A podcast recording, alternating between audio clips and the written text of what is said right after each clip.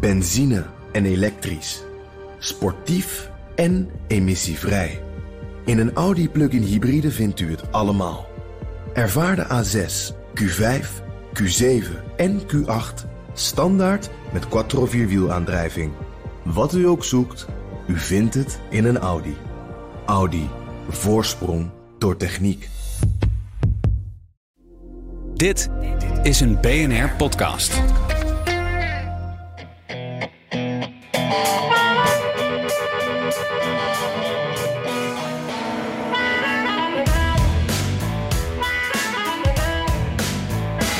Komende presidentsverkiezingen zijn de belangrijkste verkiezingen van ons leven. This is the most important election of our lifetimes. This is the most important election in our lifetimes. This November's elections are more important than any I can remember in my lifetime, and that includes when I was on the ballot. And I used to say it about 2016 this is the most important election, and I meant it. This is now the most important election in the history of our country. Ja, dit hoor je elke vier jaar en eigenlijk zelfs elke twee jaar, ook met de congresverkiezingen. Want dit zijn toch echt de belangrijkste verkiezingen van ons leven. Het zorgt voor een eh, grote en zware verantwoordelijkheid op onze schouders. Want die belangrijkste verkiezingen van ons leven moeten we ook zo verslaan natuurlijk. Uh, daarom zo op de drempel van dit verkiezingsjaar 2024 een speciaal kijkje achter de schermen. Uh, we bereiden ons voor en we dachten, daar nemen we jullie in mee. Dus dank voor al jullie vragen en opmerkingen die jullie de afgelopen weken naar ons gestuurd hebben. En uh, welkom bij de grootste redactievergadering van Nederland. Dit is aflevering 212 van de Amerika-podcast, de belangrijkste podcastaflevering of our lifetime. Mijn naam is Jan Posma aan de redactievergadertafel. En ik uh, ben Bernard Hammelburg en ik zit in Studio New York aan een heerlijk kop koffie. Uh, en wil je een mock of a lifetime blijf dan luisteren. Want het, aan het einde van deze redactievergadering met onze luisteraars geven we weer een beker weg. Ah, mooi. Dat is een, een mooie cliffhanger. Um, hey Bernard, uh, we hoorden het, uh, de kandidaten van uh, dit jaar, vorige jaren allemaal al zeggen. Election of a lifetime. jij hebt er al een paar meegemaakt. zijn dit jaar ook weer de belangrijkste verkiezingen van ons leven? Nou, ze zijn nou van de belangrijkste van 2024. Dat weet ik heel zeker. ja. Maar zo, oh ja. zo, nee, maar zo moet je toch een beetje naar die dingen kijken. Want inderdaad, uh, je, liet een prachtige compilatie horen van allemaal mensen die uh, deze uitdrukking hebben gebruikt, inclusief Trump. Ze zijn heel belangrijk, maar ze zijn, denk ik, dit keer belangrijker. Niet zozeer vanwege de inhoud, maar vanwege de figuur Trump. En, uh, en de, ik zou maar zeggen, de, de, de onaangename sfeer die er in het land is ontstaan. Maar um, de, het, om nou te zeggen, dit zijn de belangrijkste, ik, ik ben er helemaal niet zo van overtuigd. In de eerste plaats moeten we nog zien hoe ze aflopen. Um, en um, bovendien, als ik nou zelf kijk naar de naar verkiezingen uit het verleden. De, ik denk dat de, de, de verkiezing van, ik noem maar wat, uh, uh, Lyndon Johnson heel belangrijk is geweest. Hè. Dus die, die, is president geworden omdat Kennedy overleed. Je zou Kennedy ook, ook heel belangrijk kunnen noemen, omdat het was een soort revolutie. Was ook voor het eerst dat een katholieke man de verkiezingen won. Allemaal van dat soort feitjes die we zijn vergeten. Dat betekende echt wat hoor, in een voornamelijk protestants land. Um, dus die, dat was ook de tijd van de ontzuiling, zal ik maar zeggen, die zich toen een beetje heeft voorgedaan. Ik heb zelf uh, mijn eerste race die ik echt heb meegemaakt en ook meegereisd. Was Carter tegen Reagan. En toen zei ook iedereen: dit is echt de belangrijkste uit onze geschiedenis. En ook daar is wel weer voor, voor te zeggen. Want Reagan was natuurlijk een, een aparte man. Daar kun je van vinden wat je vindt. Maar um, uh, het was wel een man die uh, de conctie heeft gesloten met de evangelische beweging. Hij heeft gewoon deal gemaakt met de, de leider van die evangelische beweging. Uh, en dat was Jerry Falwell in die tijd. En, en mm. Falwell zei: Als je ons omarmt, zorg ik voor de stemmen. En toen is het hele zuiden van de Verenigde Staten, dat altijd democratisch was, omgeslagen. En heeft op Reagan gestemd. Nou, dat was toen zei ook iedereen achteraf ook, nou zo, dit was echt de belangrijkste, dit is, wordt hem niet, dit, dit is de belangrijkste verkiezing geweest die we ooit hebben meegemaakt. Mm -hmm. En zo kun je eigenlijk ja. elke keer, uh, kun je die kwalificatie wel geven. Uh, dus ik, ik, uh, ik, nou ja, ik, behoud mij het recht voor om het uh, wat later te beoordelen. Maar voorlopig. ja. ja. Maar, ja. maar dit is een redactievergadering. Dus ja, Um, nou, ik, ik, ik, ik had wel, want ik ben het helemaal met je eens. En, ik, heb, ik heb het nou natuurlijk daarom ook zo'n beetje achter elkaar gezegd. Want het is ook enorm aan inflatie onderhevig, die term. Want je, ik denk dat de gemiddelde kiezer, die hoort het al niet eens meer. Want die denkt, ja hallo, uh, weer de belangrijkste, kom op zeg. Maar toen dacht ik ook wel van, nou wat jij noemt, de situatie met, met, met Trump nu. Uh, bestorming van het kapitool die mensen in, in, nog in hun achterhoofd zullen hebben. Hoe dat is gegaan, dat is extra spannend dus komend jaar. En waar ik ook aan dacht, uh, de gevolgen die het kan hebben voor Oekraïne en dus ook voor Nederland. Dat deze, ja, het voelt toch daardoor net even anders. Ja. Misschien wel wat belangrijker de andere jaren. Ja, misschien. Maar dan ga ik weer even terug naar de geschiedenis van vlak voor de Tweede Wereldoorlog. Uh, toen uh, Roosevelt president was. En er was een enorme oppositie tegen Roosevelt. dat ging dan om de vraag of Amerika wel of niet de, de geallieerden moest gaan helpen, of de, de bondgenoten in Europa in de oorlog tegen Duitsland. En, uh, de, en dat was een enorme beweging. Um, en daar is met mensen als Charles Lindbergh, weet je wel, de, de vlieger, en, en, de, en, en, ja. en Joe Kennedy, de vader van de Kennedys, uh, die in die tijd ambassadeur was in Londen. Um, en het was een hele beweging. Wat en sympathie had, geloof ik. Ja, zeker. En, maar ook Henry Ford. Allemaal van dat soort mensen. Ja. Het was, het was een, een ultra-conservatieve, um, een, isolationistische beweging. En hun, uh, hun strijdkreet was America First. Um, dus ook dat. En dat was toen echt heel spannend. En, en, en Roosevelt komt daar niet tegenop. Die heeft toen iets bedacht. Dat heette de Land Lease Act.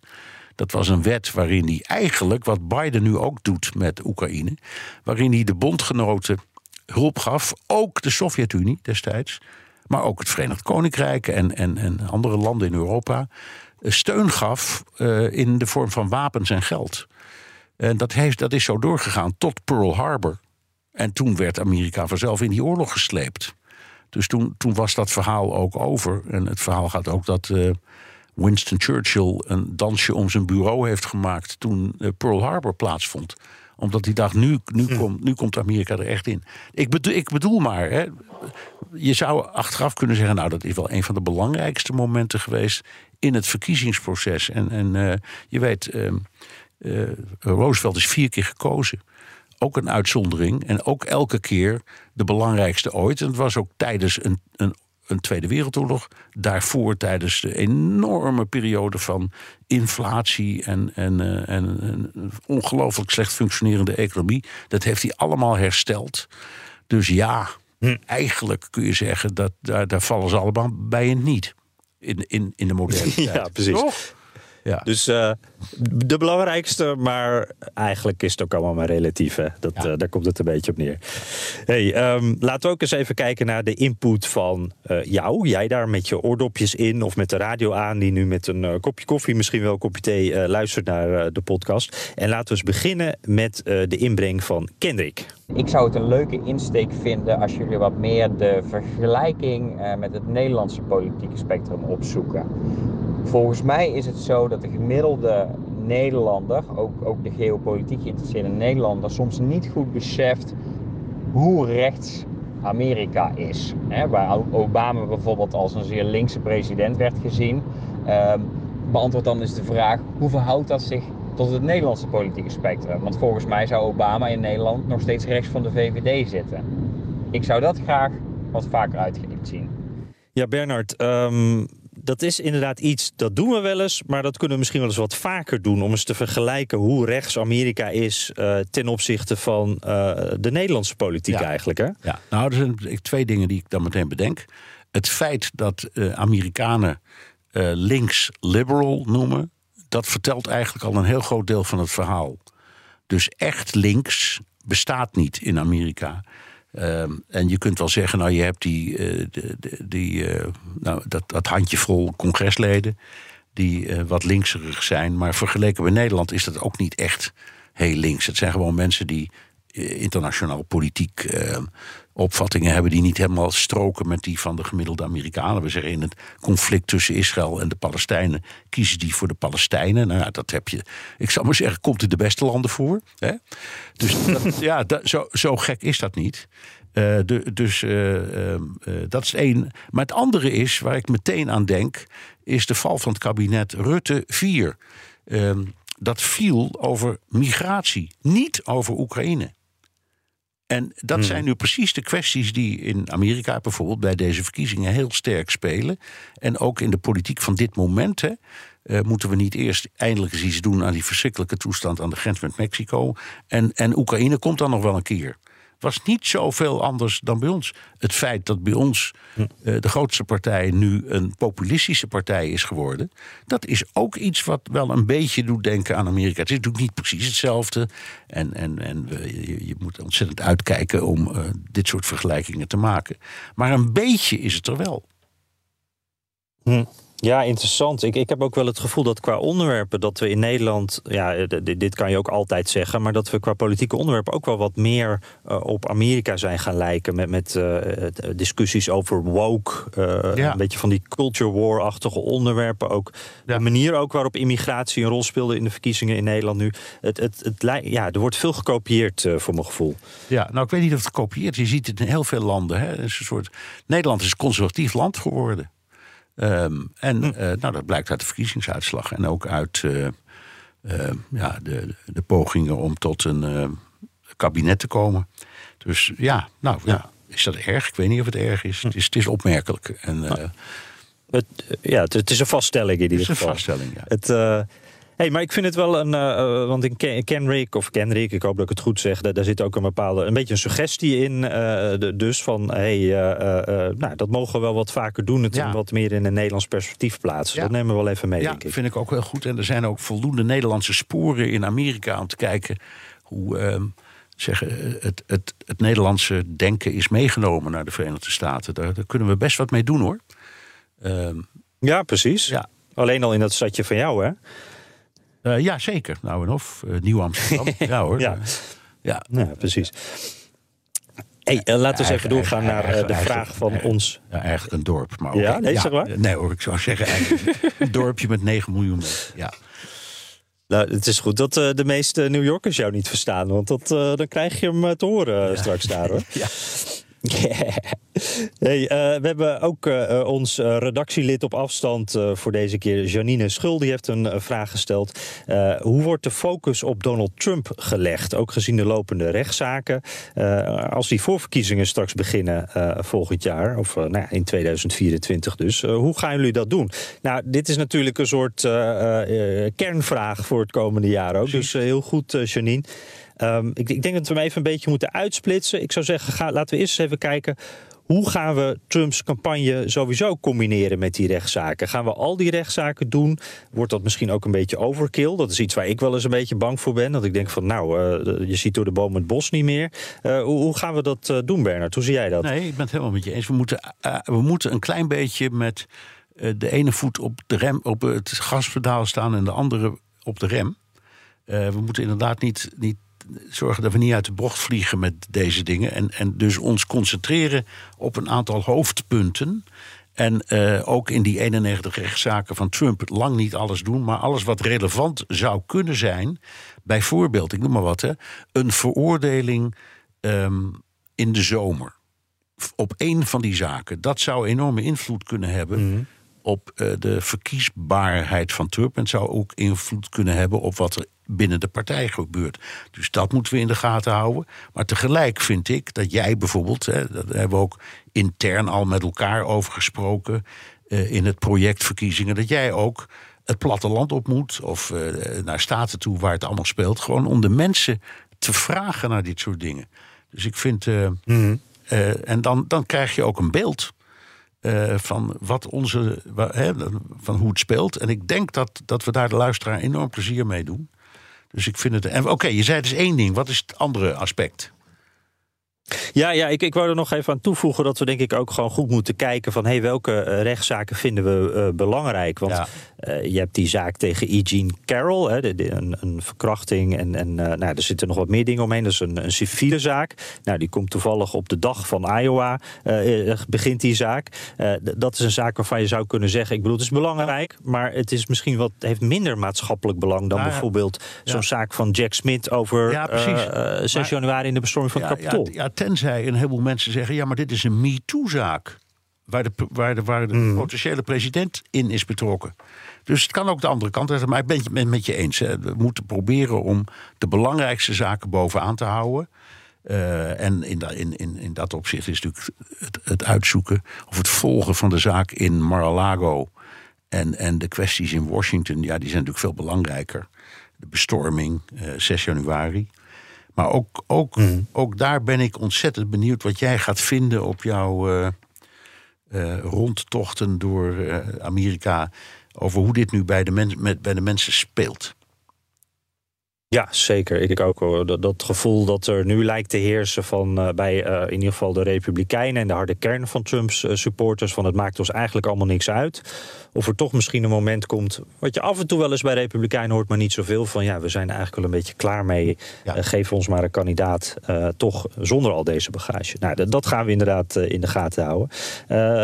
ja, wat, wat, denk ik ook nog hier belangrijk is, ja, wat moeten we sowieso met Trump, omdat die, die al zo zoveel aandacht vraagt. Uh, dat gaat om, om die rechtszaken, waardoor er automatisch al veel aandacht naar hem gaat. Maar ook als hij schokkende dingen zegt. Uh, we hebben het er vorige week weer over gehad. Hè, het vergiftigen van het bloed van Amerika. Uh, ongedierte heeft hij het over als het over tegenstanders gaat. En noemt democraten, communisten. Allemaal schokkend. En aan de ene kant allemaal belangrijk om te noemen. Want je moet het niet negeren, denk ik. Maar ja, aan de andere kant ga je steeds hetzelfde vertellen. We hadden het er vorige week ook even over. Hè. Toen zei jij uh, meteen, van het was nog het begin van de week. En zei van, nou, wat zou een interessant onderwerp kunnen zijn? Nou, die uitspraken van Trump. En toen was mijn eerste gedachte, ja, hebben we eigenlijk vorige week ook al een beetje gedaan. Moeten we dat nog wel een keer doen? Nou ja, het is wel belangrijk. We hebben het dus uiteindelijk gedaan. Ja, ja ik, ik vind, dit blijft ook een soort uh, strijd, vind ik hoor. Lastig. Ja. Nee, dit, dat is ook zo. Maar goed, toen kwam dat, die bloedvergiftiging hadden we toen nog niet. Dat is echt nieuw. En ook wel heel erg schokkend. Maar goed, het is schokkend op het moment dat het gebeurde. Naarmate die uh, strijd zich voortzet. Ja, dan moet je ook maar kijken of het nog blijft spelen. Wie heeft het nu nog over uh, Pussygate? Ik noem maar wat. Hmm. Nog nooit meer iets van gehoord? Lang geleden. Ja, ja, maar dat was toch een hele grote schande. En die man ging absoluut de verkiezingen verliezen. Dat wisten we toen wel zeker. Hè? En um, nou, dat is anders gelopen. En dat geldt voor deze dingen ook. Dus uh, we zitten aan het begin van een, van een lange uh, route naar, naar november vol, van het volgend jaar. En ja, ze, verkiezen, ze moeten nog beginnen. Hè, volgende maand begint het. En ga je erheen, Jan? Naar Iowa? Ja, hè? Ja, zeker. Ja, ja, ja. Heel goed. Heel goed. Dan kun je al deze vragen. Ja, dus daar ben ik ook wel ja, heel benieuwd naar wat, wat inderdaad daar bij die conservatieve uh, Amerikanen, wat daar het gevoel is. Hij staat daar mijlenver voor in de, de peilingen, maar uh, wat zijn de gevoelens en de gedachten daarachter? Daar ben ik wel benieuwd naar. Ja, en dan kunnen hey, en, en maar Bernard, nog, nog... Die punten van ja? Janine kunnen, uh, nou ja, die kunt het daar zien en voelen. Dat vind ik echt belangrijk hoor, voor onze ja. taak als journalist, om dat goed over te brengen.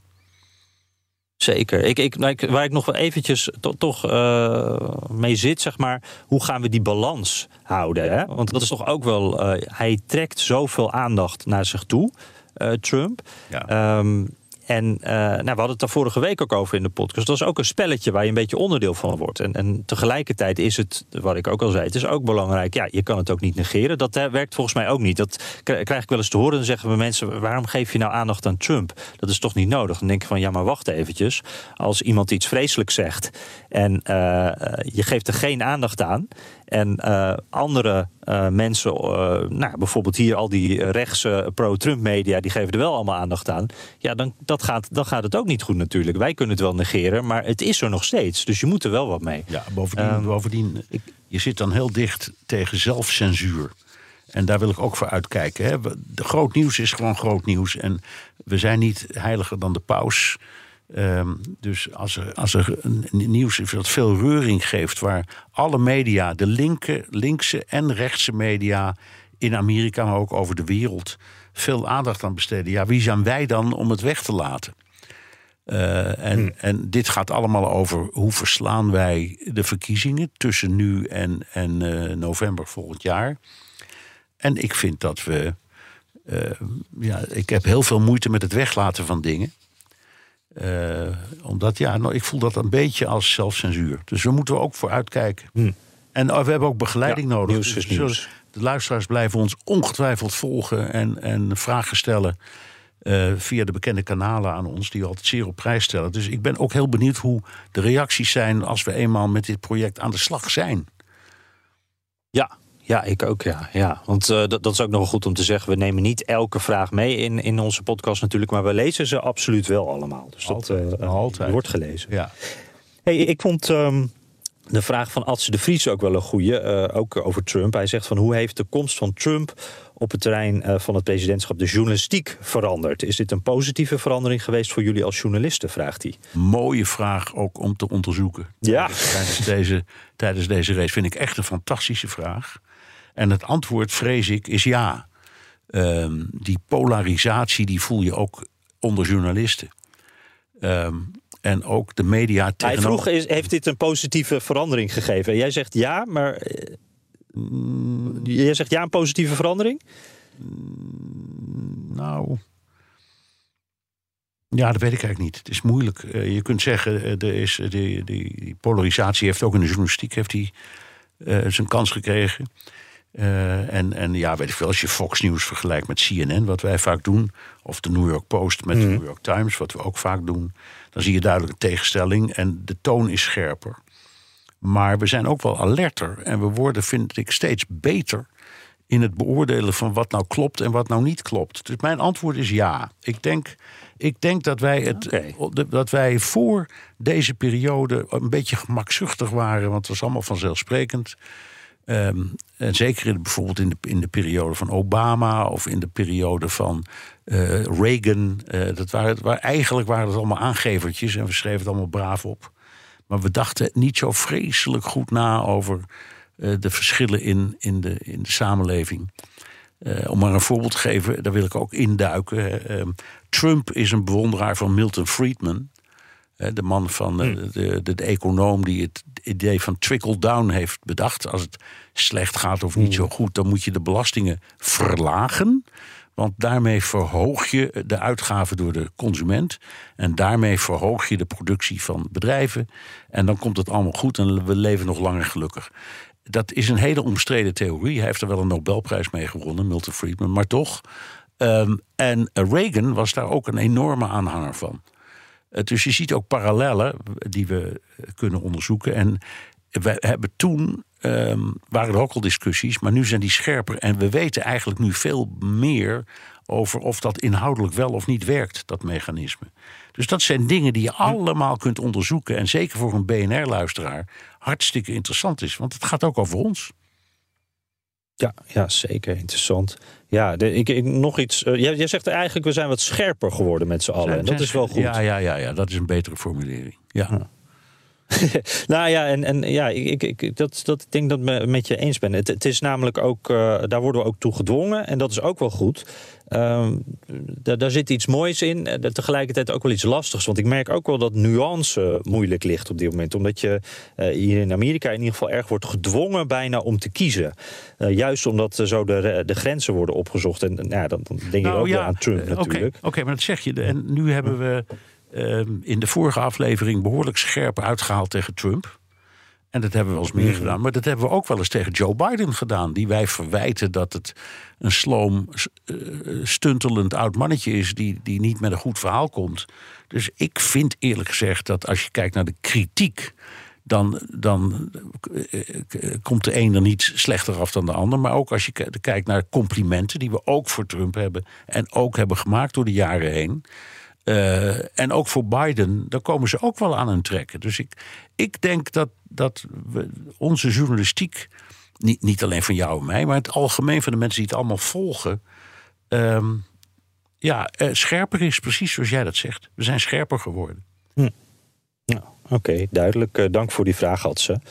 Ja, ga, gaan we nou echt een reclame doen midden in onze redactievergadering?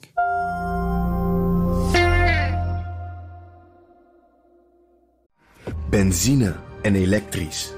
Sportief en emissievrij. In een Audi plug-in hybride vindt u het allemaal. Ervaar de A6, Q5, Q7 en Q8 standaard met quattro vierwielaandrijving. Wat u ook zoekt, u vindt het in een Audi. Audi. Voorsprong door techniek. Verdienen jouw medewerkers de beste HR-service? Wij vinden van wel. Numbers combineert payroll met slimme HR-features. Bespaar kosten en geef medewerkers eenvoudig toegang tot verlof, declaraties en loonstroken. Probeer Numbers op nmbrs.nl. Bernard, laten we ook eens kijken uh, hoe we andere kandidaten gaan volgen. Uh, Hanneke de Boer uh, had een mooie vraag. die zegt, ja, hoe ziet zo'n campagnedag van een politicus er nou eigenlijk uit? kunnen jullie een kandidaat eens een dag volgen? Misschien zoals de documentaire Mitt over Mitt Romney.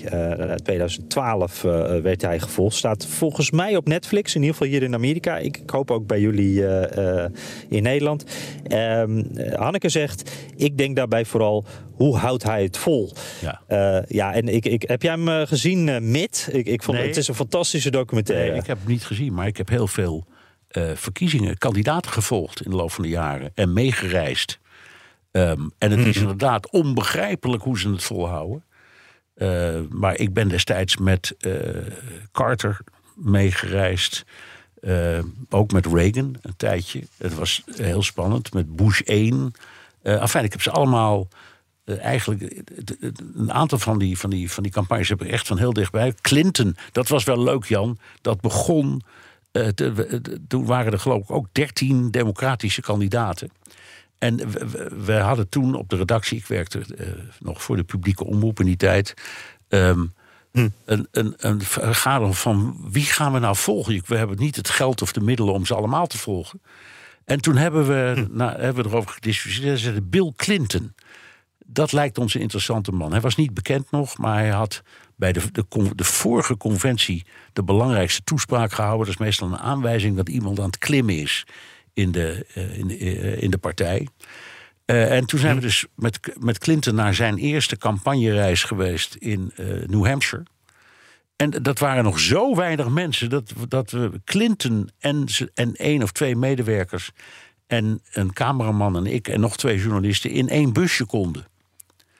Dus, Wauw. Ja, dus we hebben echt gewoon met, met Clinton ook, ook een hamburger gegeten en zitten praten over hoe die verkiezingen allemaal uh, uh, liepen. En, enfin, en, en hij ging op pad met naar, naar een. Uh, hoe heet dat? Een bowling alley. om met mensen gewoon. Ja.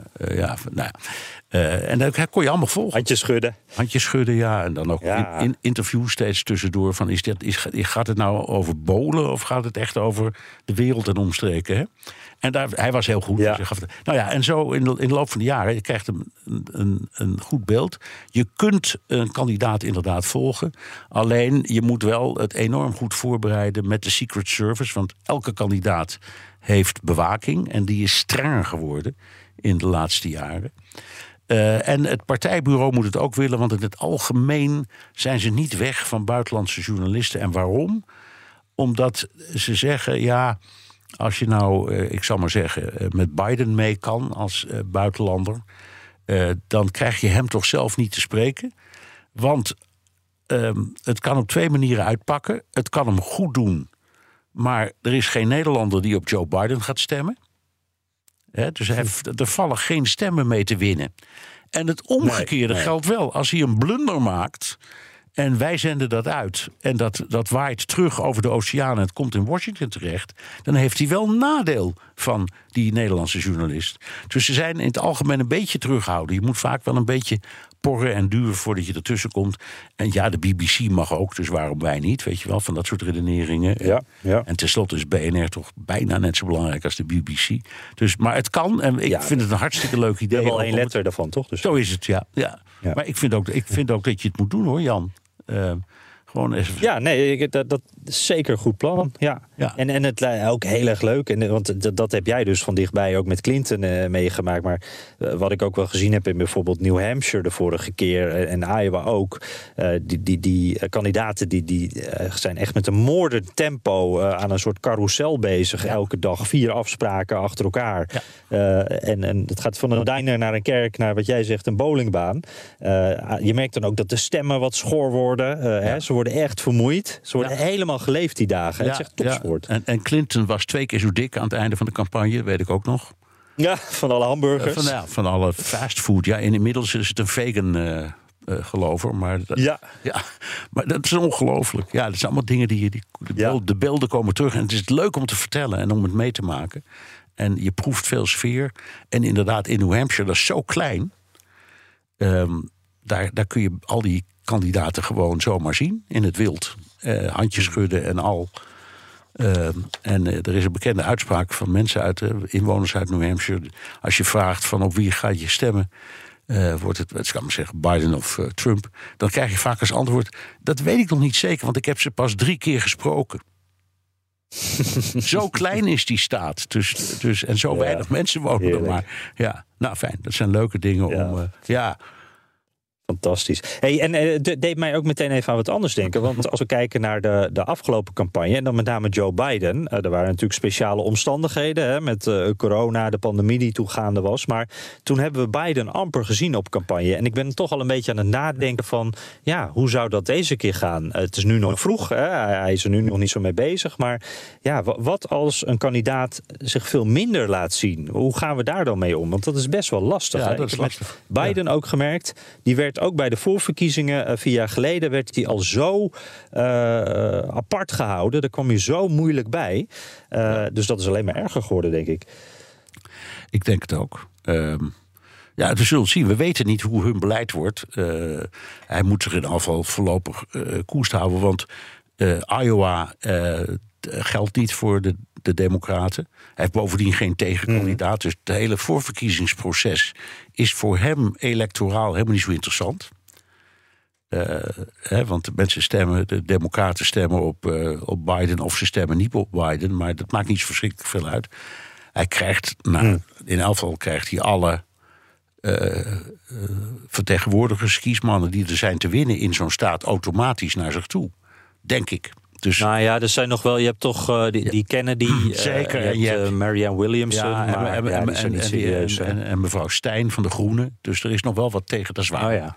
Er zijn, nog, er zijn inderdaad nog Maar wel... dat is ja, maar in het algemeen... Die, die, geen in- serieuze Nee, maar die halen bovendien nooit eh, eh, delegates binnen. Wel, wel uiteindelijk Hmm. eh, kiesmannen bij de verkiezingen, dat kan gebeuren. Maar in die voorverkiezingen heeft het niet zoveel invloed. Dus ja, ehm, ik denk dat, het, dat Biden voor ons een saai verhaal blijft. Ehm, terwijl eh, Trump bijvoorbeeld, maar ook Nikki Haley, die heeft dat echt heel duidelijk. Dat zijn toch allebei mensen die zich, die zich eh, happy voelen in een grote menigte. Hè? En die ook fantastisch kunnen bewerken. Dus ja, dat- wat dat betreft is, is de Republikeinse campagne veel leuker en spannender. Ja, ja, ja, ja precies. Nou, eh, interessant. Hey, eh, wat meerdere mensen vroegen, eh, op welke staten moeten we gaan letten? In de voorverkiezingen dan, maar ook bij de echte presidentsverkiezingen. Nou ja, en dan Ehm, 43 staten hoef je niet te letten. Nou, dat is makkelijk. Ja, die- dus dan blijven er nog zeven over. Ja, die staan, die, die staan al vast. Die stemmen namelijk altijd Republiek. Je hoeft niet te, te, te wachten wat, hoe Montana stemt. Of Wyoming, want die hebben voor zover ik mij ken, kan herinneren nog nooit anders gestemd dan Republikeins. En Ja, Californië. nu, nu slaan we even de voorverkiezingen over. Hè. Dit zijn de presidentsverkiezingen. Ja, de presidentsverkiezingen, ja, precies. Ja, ja. Ja. Ehm, oh ja, ja, precies. Dus er blijven een paar over die wel eh, spannend zijn. En dat zijn natuurlijk de staten die we extra in de gaten houden. Ja. Ehm, ik, eh, ik moet meteen altijd aan Pennsylvania denken, Ja. omdat het ook de afgelopen keren zo spannend was daar. Zeker Pennsylvania is ook een grote staat, ook belangrijk. Ehm, Ja. Ik denk aan Virginia. Ik denk Ja. aan, aan North en South Carolina. Allebei bij jou niet zo ver weg trouwens. Dus dan kun je nog redelijk makkelijk komen. Ik denk ook aan Florida. Mhm. Dat wordt ook leuk en interessant. Ehm, Wisconsin. Ja, zeker Wisconsin. Ja, dat Michigan. Michigan, dat zijn echt hele spannende staten. En daar is het best interessant. Georgia ook. Georgia ook, het best ja. interessant om te zien hoe de trend daar is. Bijvoorbeeld, je noemt nu Georgia. Uh, daar loopt nog steeds dat proces um, tegen Trump over het, uh, de poging om de verkiezingsuitslag te, ver, te vervalsen. Tegen de tijd dat ja. daar nou voorverkiezingen beginnen, waar Trump dus waarschijnlijk aan meedoet, en de anderen ook, werkt dat nou of heeft dat invloed of heeft dat geen invloed daar in die staat?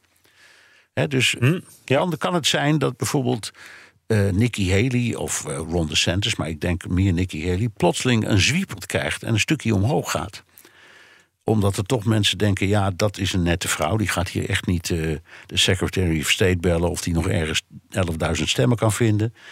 Uh, die, die gaat niet van die rare strapatsen doen als, uh, als Trump. En bovendien, het is ook een staat die aan verandering onderhevig is. Er komen veel meer, het is een immigratieland geworden, Georgia. Ehm, dus ja. dat soort dingen zijn heel spannend. En daar ben ik echt benieuwd hoe de trend wordt. Ja, want de, de meeste, ja, peilingen, ja. de meeste peilingen die we zien, die zijn toch algemeen, door het algemene electoraat. Of alleen republikeinen, of alleen democraten, of alleen. Enfin, maar niet zo specifiek per staat. Maar dat ga jij allemaal uitzoeken. Hmm. Ja, ik heb er zin in. Dat ja. is echt het, uh, het allerleukste, denk ik. Uh, hey, ik heb nog een uh, tip van heer Corveenstra. Die zegt, kijk eens ook naar de demografie van swing states. Hoe verandert de bevolkingssamenstelling? Ja. En hoe beïnvloedt dat de uitslag? Ik, jongeren versus ouderen, Latino-gemeenschap ja, versus andere groepen. Ja. dat zie je ook. Nou, daarom dat noemde ik dat in Georgia. Omdat er zo ontzettend veel mensen naar Georgia trekken. Atlanta is volgens mij de snelst groeiende stad van Amerika. En die komen natuurlijk van ja, alle... veel start-ups en tech en Start-ups, ja. En ook alle rassen. Heel belangrijk om dat te benoemen. Want ook dat heeft allemaal invloed op de uitslag. Dus ik ben echt benieuwd. Ja, precies. Hey, uh, een vraag die mij uit het uh, hart is gegrepen. Want uh, ik heb een beetje een haat-liefde verhouding met die dingen. peilingen. Hoe serieus moeten we die peilingen nemen? Want stuurde ook iemand, ze zitten er toch altijd naast. En nou, ik, laat ik eerst eventjes zeggen, want ik ben namelijk wel, ik ben aan de ene kant fan van peilingen. aan de andere kant vind ik het ook altijd irritant, peilingen. ik heb namelijk een beetje het gevoel daarbij. Het is alsof je door een, een sleutel, sleutelgat bij een huis naar binnen kijkt. Dus je krijgt een beeld, maar je weet niet hoe die hele kamer eruit ziet. Je krijgt maar een klein stukje. Ja. En, en dat is het gevoel wat ik heb. Het is een indicatie, een indicatie van een trend. En dat maakt het ook interessant, want vaak, ja, hoeveel indicaties heb je? Weet je, je kan zelf uh, heel veel mensen gaan ondervragen, maar dan nog weet je niet helemaal wat het beeld van een hele staat is. Dus een peiling kan je daar denk ik bij helpen. En dat maakt ze toch interessant en waardevol.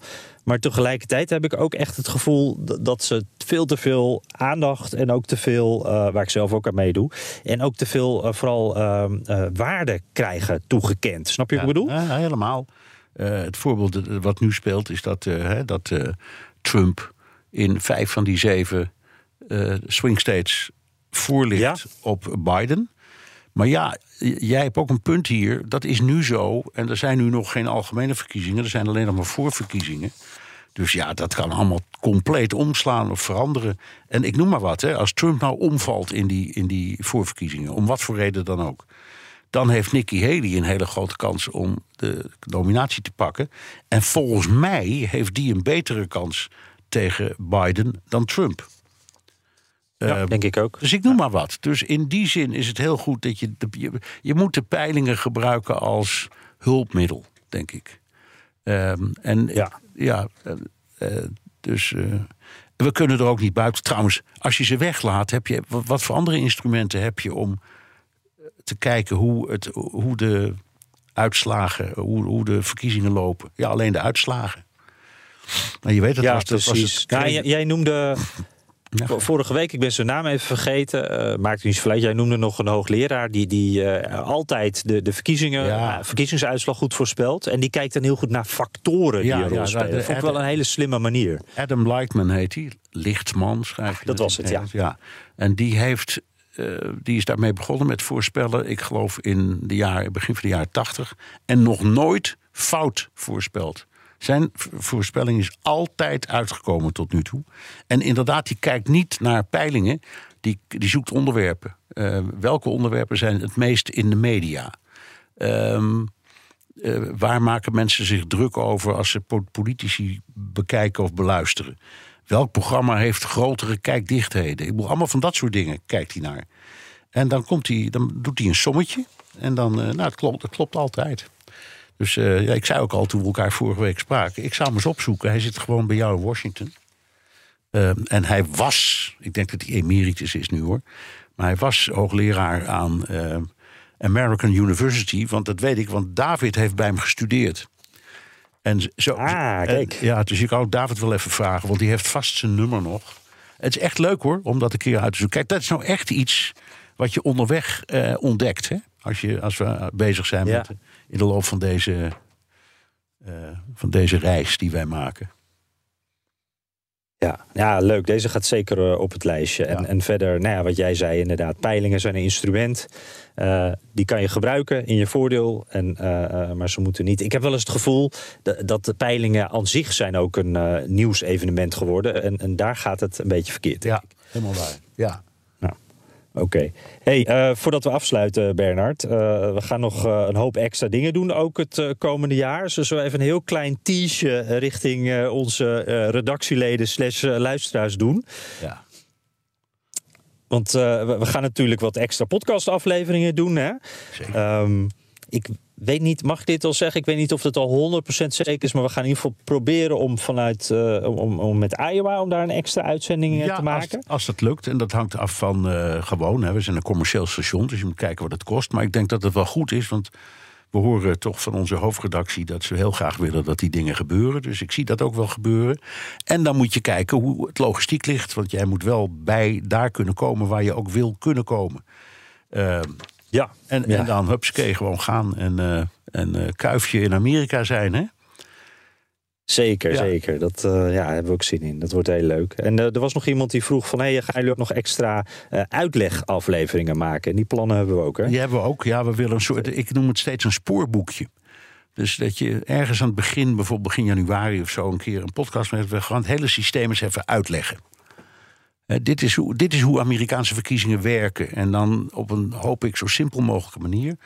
Um, en misschien dat we daar ook een tekst van maken die op de website komt. Dat ze het na kunnen lezen. Maar dan hebben ze een beetje houvast. Ja, precies. Ja. Ja. ja, ook nu handig zo'n spoorboekje met ook al die rechtszaken die er doorheen ook lopen. dat, nou en uh, of. Ja, dat nou en uh, of. Ja. kunnen we wel gebruiken. Ja.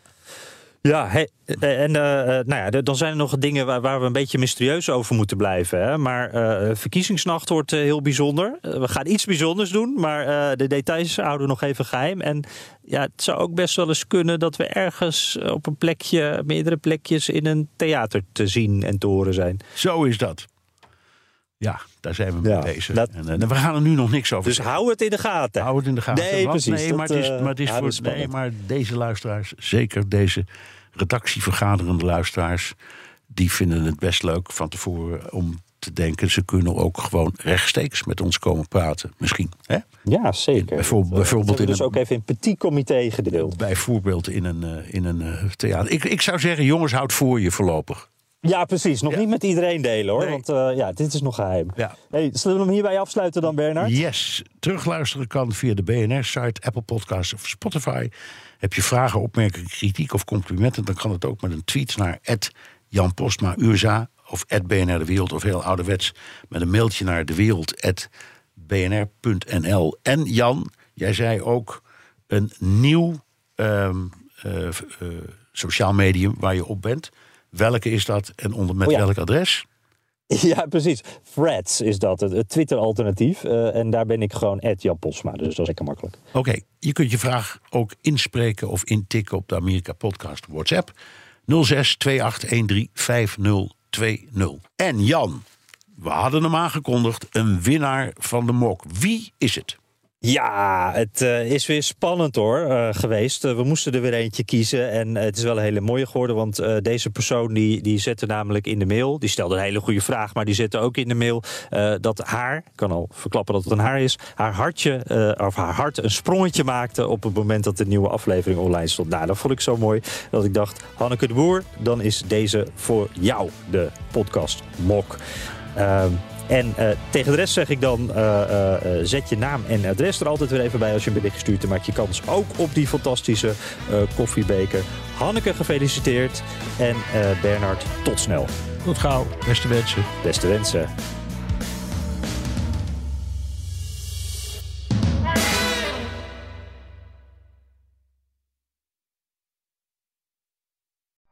Benzine en elektrisch.